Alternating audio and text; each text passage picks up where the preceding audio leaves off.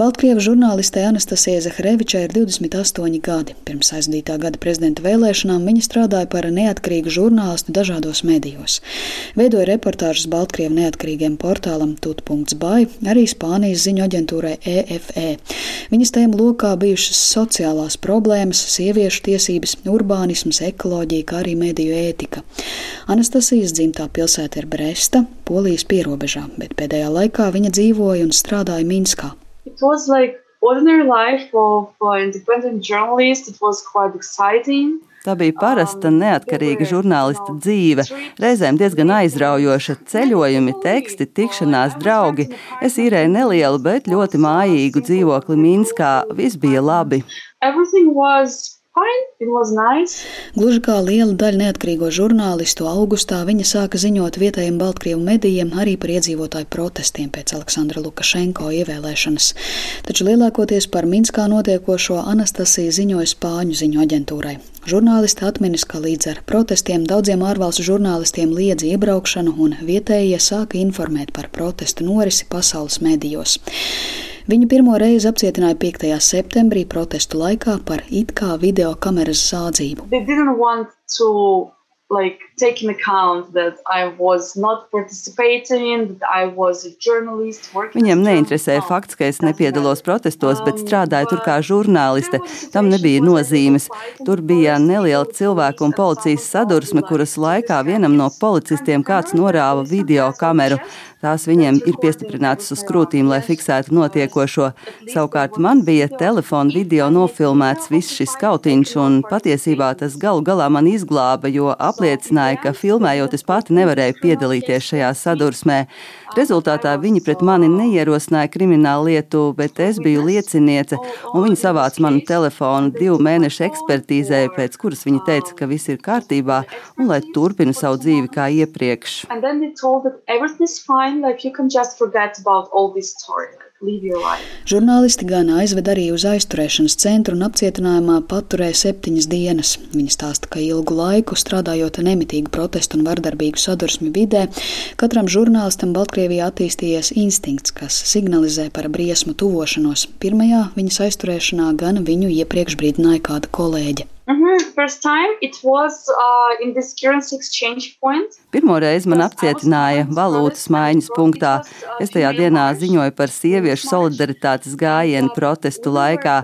Bija gājiens pa lielu ielu, un man vajadzēja aiziet samainīt naudu. Tad, kad es aizgāju turpat līdz lielveikalam, es satiku savu kolēģi žurnālisti no cita mēdīja, un viņa man teica, ka pūlī ir tā policija bez formas, ko iedzīvotāji sauc par ķihari, jeb klusie policisti īsti bez formām, kurus nevar atpazīt. Viņa man teica, ka es esmu briesmās, jo ir viens vīrietis pelēkā džemperī, kurš tieši man visu laiku seko. Es viņai lūdzu brīdi uzkavēties ar mani. Es samainīju naudu, tad apgriezos un aiz manis pāris metrus stāvēja kolēģis, kuras jau stāvēja šis vīrietis, un viņa stāvot ar muguru pret viņu ar acīm man signalizēja, ka tas ir viņš. Un es sapratu, ka tās ir beigas, man nav kur skriet un mani arestēs. Like, Anastasija turpina, ka vīrietis uzstāja, lai žurnālisti atdod policijai video kameru, bet viņa šo sadursmi protestos jau bija aizmirsusi un bija pārliecināta, ka viņš grib konfiscēt telefonu. Žurnālisti iedeva savu somu, lai vīrs bez formas to pārbauda, taču viņš viņai lika ieiet veikalā. And then there was like some verbal fight between head of security of the shop Tad veikalā izcēlās strīds starp tiem, kas mani aizturēja, un veikala apsardzes darbiniekiem, kas nesaprata, kas ir tie cilvēki, kas mani aizturējuši un kādēļ nelaiž vaļā. Tad šie vīrieši sāka bļaut uz veikala apsargu rupjas lietas un teica, lai parāda, kur ir veikala pagalma izēja, lai tur varētu piebraukt viņa auto. Tas bija vajadzīgs tāpēc, ka galvenā veikala ieeja ir uz lielas ielas, un tur bija daudz žurnālistu, un tas viss tiktu ierakstīts, ko tie aizturētāji, protams, negribēja. Taču veikala apsardzes Sargs atteicās viņiem palīdzēt. Tad pie pašas veikala ieejas piebrauc minibus bez numura zīmēm, un vedot mani uz šo busu, viņi man draudēja un teica, lai es nedaru neko muļķīgu, jo tad bildes mēdījos būs ļoti sliktas. Es viņiem teicu, ka es sekoju visām viņa norādēm, pat nezinot, kas viņi ir. Viņa man nolaupa un vēl draud. Un tad viņš teica, es esmu policijas virsnieks un man ir tevi jāinformē par tavām tiesībām. Taču, ejot ārā, es ļoti gribēju dot kādu ziņu apkārtējiem, ka mani arestē, bet es zināju, ka tad, ja bļaušu vai skriešu, mani brutāli piekaus. Tāpēc, izējot no veikala, es pacēlu rokas un viņi sāka uz mani bļaut, un es tās nolaidu. Žurnālisti nogādāja policijas iecirknī, kur viņa pavadīja vairāk nekā 30 stundas. Sākumā pret Anastasiju gribēja ierosināt kriminālu lietu, bet redzot, ka viņa notiekošo ir filmējusi no malas, policija atzina, ka viņa nav neko zāgusi. Tomēr aizturētāji paziņoja, ka par dalību protestā viņai jāsēž cietumā līdz tiesai. Visu šo laiku žurnālists vecāka un darba devēja viņu meklēja, un tikai izsakojot telefona atrašanās vietu, redzēja, ka tas atrodas konkrētajā policijas iecirknī. Tuvinieki ieradās tajā, bet policijas darbinieki teikuši, ka žurnālisti iecirknī vairs nav. Vecāki meklēja Anastasiju oficiālajās iestādēs un vairāk nekā diennakti par meitu neko nezināja. Līdz viņas advokāts žurnālisti atrada tiesu sarakstos. Anastasija stāsta vairāk par apcietinājuma apstākļiem. Uh, Pirmo nakti no svētdienas uz pirmdienu es pavadīju metāla krātiņā, gluži kā zooloģiskajā dārzā. Tas krātiņš ir iebūvēts telpā. Turpat notiek visu dokumentu noformēšana, tikai inspektori sēž normālos krēslos ārpusē, un es kā pasaules bīstamākais noziedznieks sēdēju tajā metāla būrī. Tas būris ir pāris metru platībā, tur ir tikai viens solis, uz kā sēdēt, un neliela vieta kājām. Savukārt aizmugurē ir balta metāla metāla cauruli, lai visu garo pratināšanas laiku tu nemirkli nevarētu ērti atspiesties. Šādi es pavadīju aptuveni 20 stundu, kuru laikā ik pa laikam mani pratināja. Tad viņi mani ievietoja izolatorā, kas bija aptuveni 3x3 metru liela telpa. Tur bija ļoti augsti, nebija logu un ļoti maz gaismas. Tur bija arī solis, bet tas bija ļoti augsts, arī tur nebija iespējams pagulēt. Viņi visu laiku man teica, ka viss ir kārtībā, es drīz saņemšu savus dokumentus, un pēc pāris dienām būs tiesa, un es tikšu mājās. Taču es negulēju, biju nogurusi, izsalkusi, dusmīga un nobijusies. Man sākās pārāk panikas lēkmes tajā izolatorā. Vēlāk viņi mani nogādāja aizturēšanas centrā, un nākamajā dienā man bija tiesa. Tur es jau izgulējos, jo mani aizveda uz cietuma kameru, kur bija vēl piecas sievietes, kuras mani sasedz ar savām sagām, jo es biju ļoti nosalusi. Tiesai es lūdzu, lai piespriež man kādu finansiālu sodu un ātrāk tieku pie ārsta, jo nosalu un jūtos ļoti slikti, bet viņi man piesprieda septiņas dienas apcietinājumā bez kādām medicīniskās palīdzības iespējām. Savukārt, tad, kad es jau devos prom no cietuma, es gaitenī gaidīju savus papīrus, un viens no policijas darbiniekiem stāvēja aiz manis un ar dūri iekaustīja mani mugurā bez jebkāda iemesla, vienkārši tāpēc, ka viņš tā var.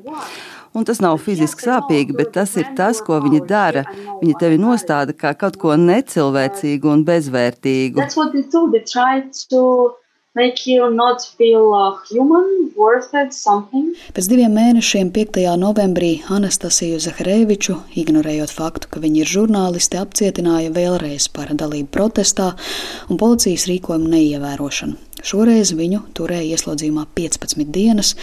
Otrā aizturēšana jau bijusi biedējošāka, jo šoreiz tie bija pieci īpašās vienības Baltkrievijas nemieru policijas pārstāvi formās. So, uh, that day I saw all these uh,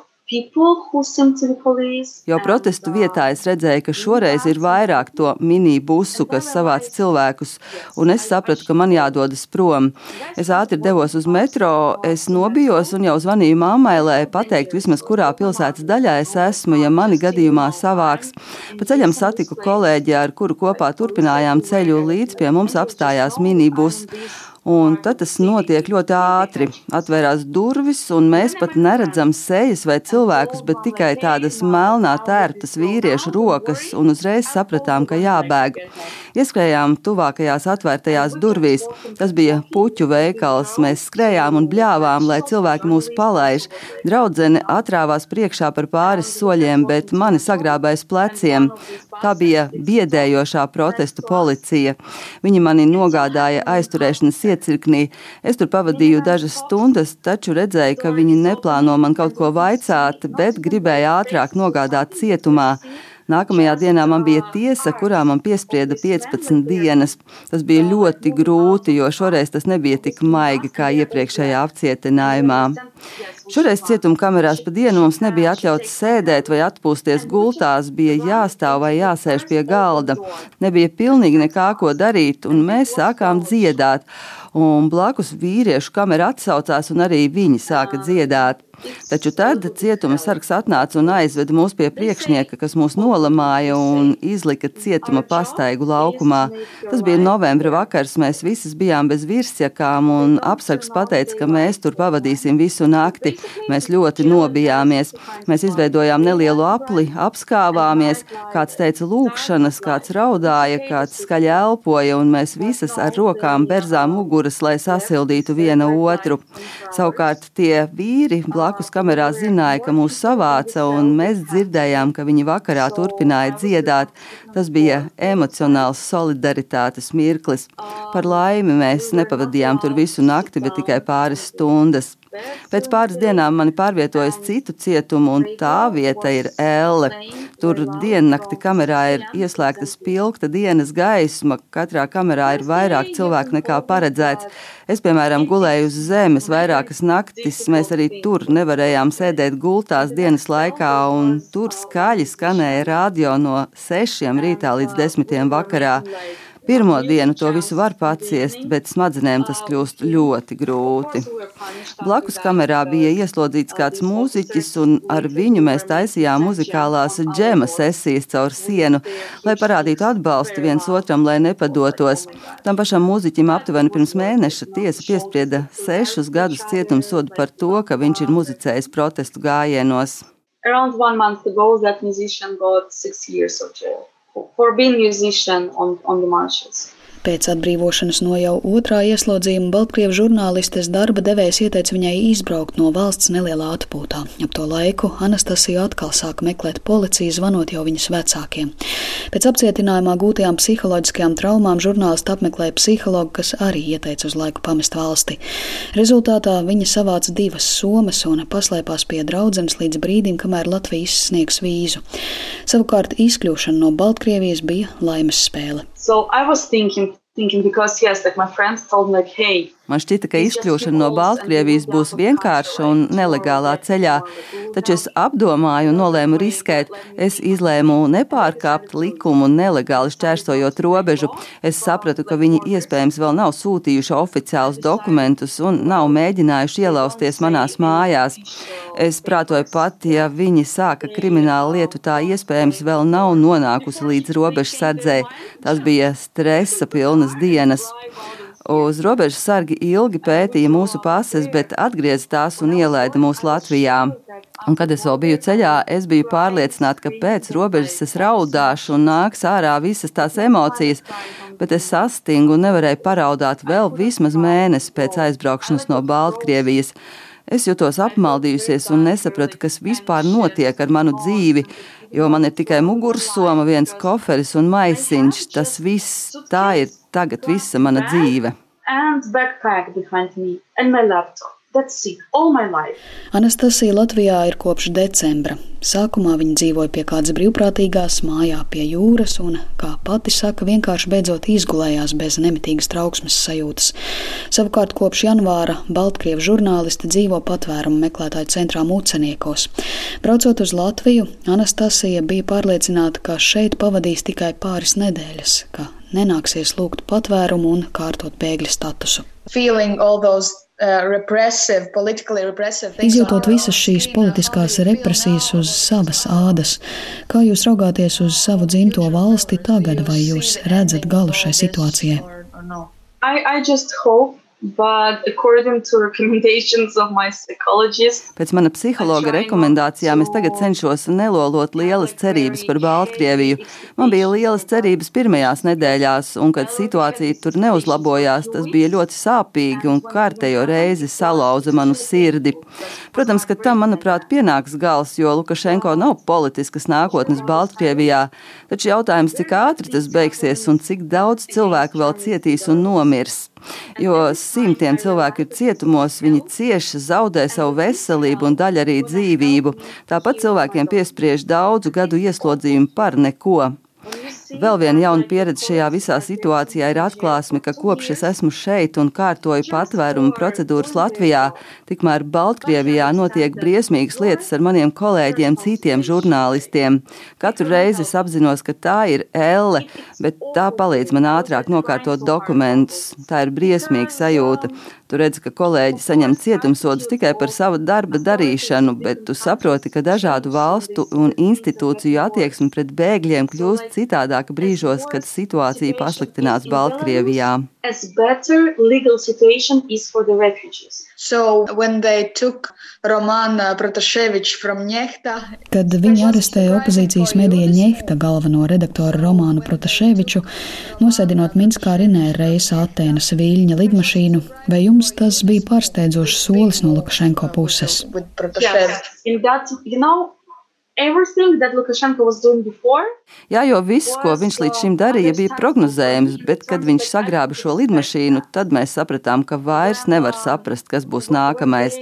Taču viņš ar šo gājienu iešāva sev kājā, jo pirms šī gājiena, kad viņa represijas noritēja tikai Baltkrievijas valsts robežās, tad, godīgi sakot, Eiropai tas īpaši neinteresēja. Jā, daļa politiķu nosodīja notiekošo, bet tie bija tikai vārdi. Taču, ja viņš aiztiek Eiropas iedzīvotājs, tas jau ir pavisam cits līmenis.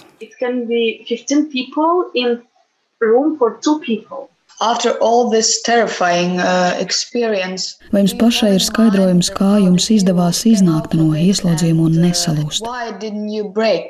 I went out broken, partially, Es iznācu salauzta, bet kā žurnāliste es bieži tajos ieslodzījuma mirkļos centos uz to skatīties kā uz antropoloģisku pieredzi.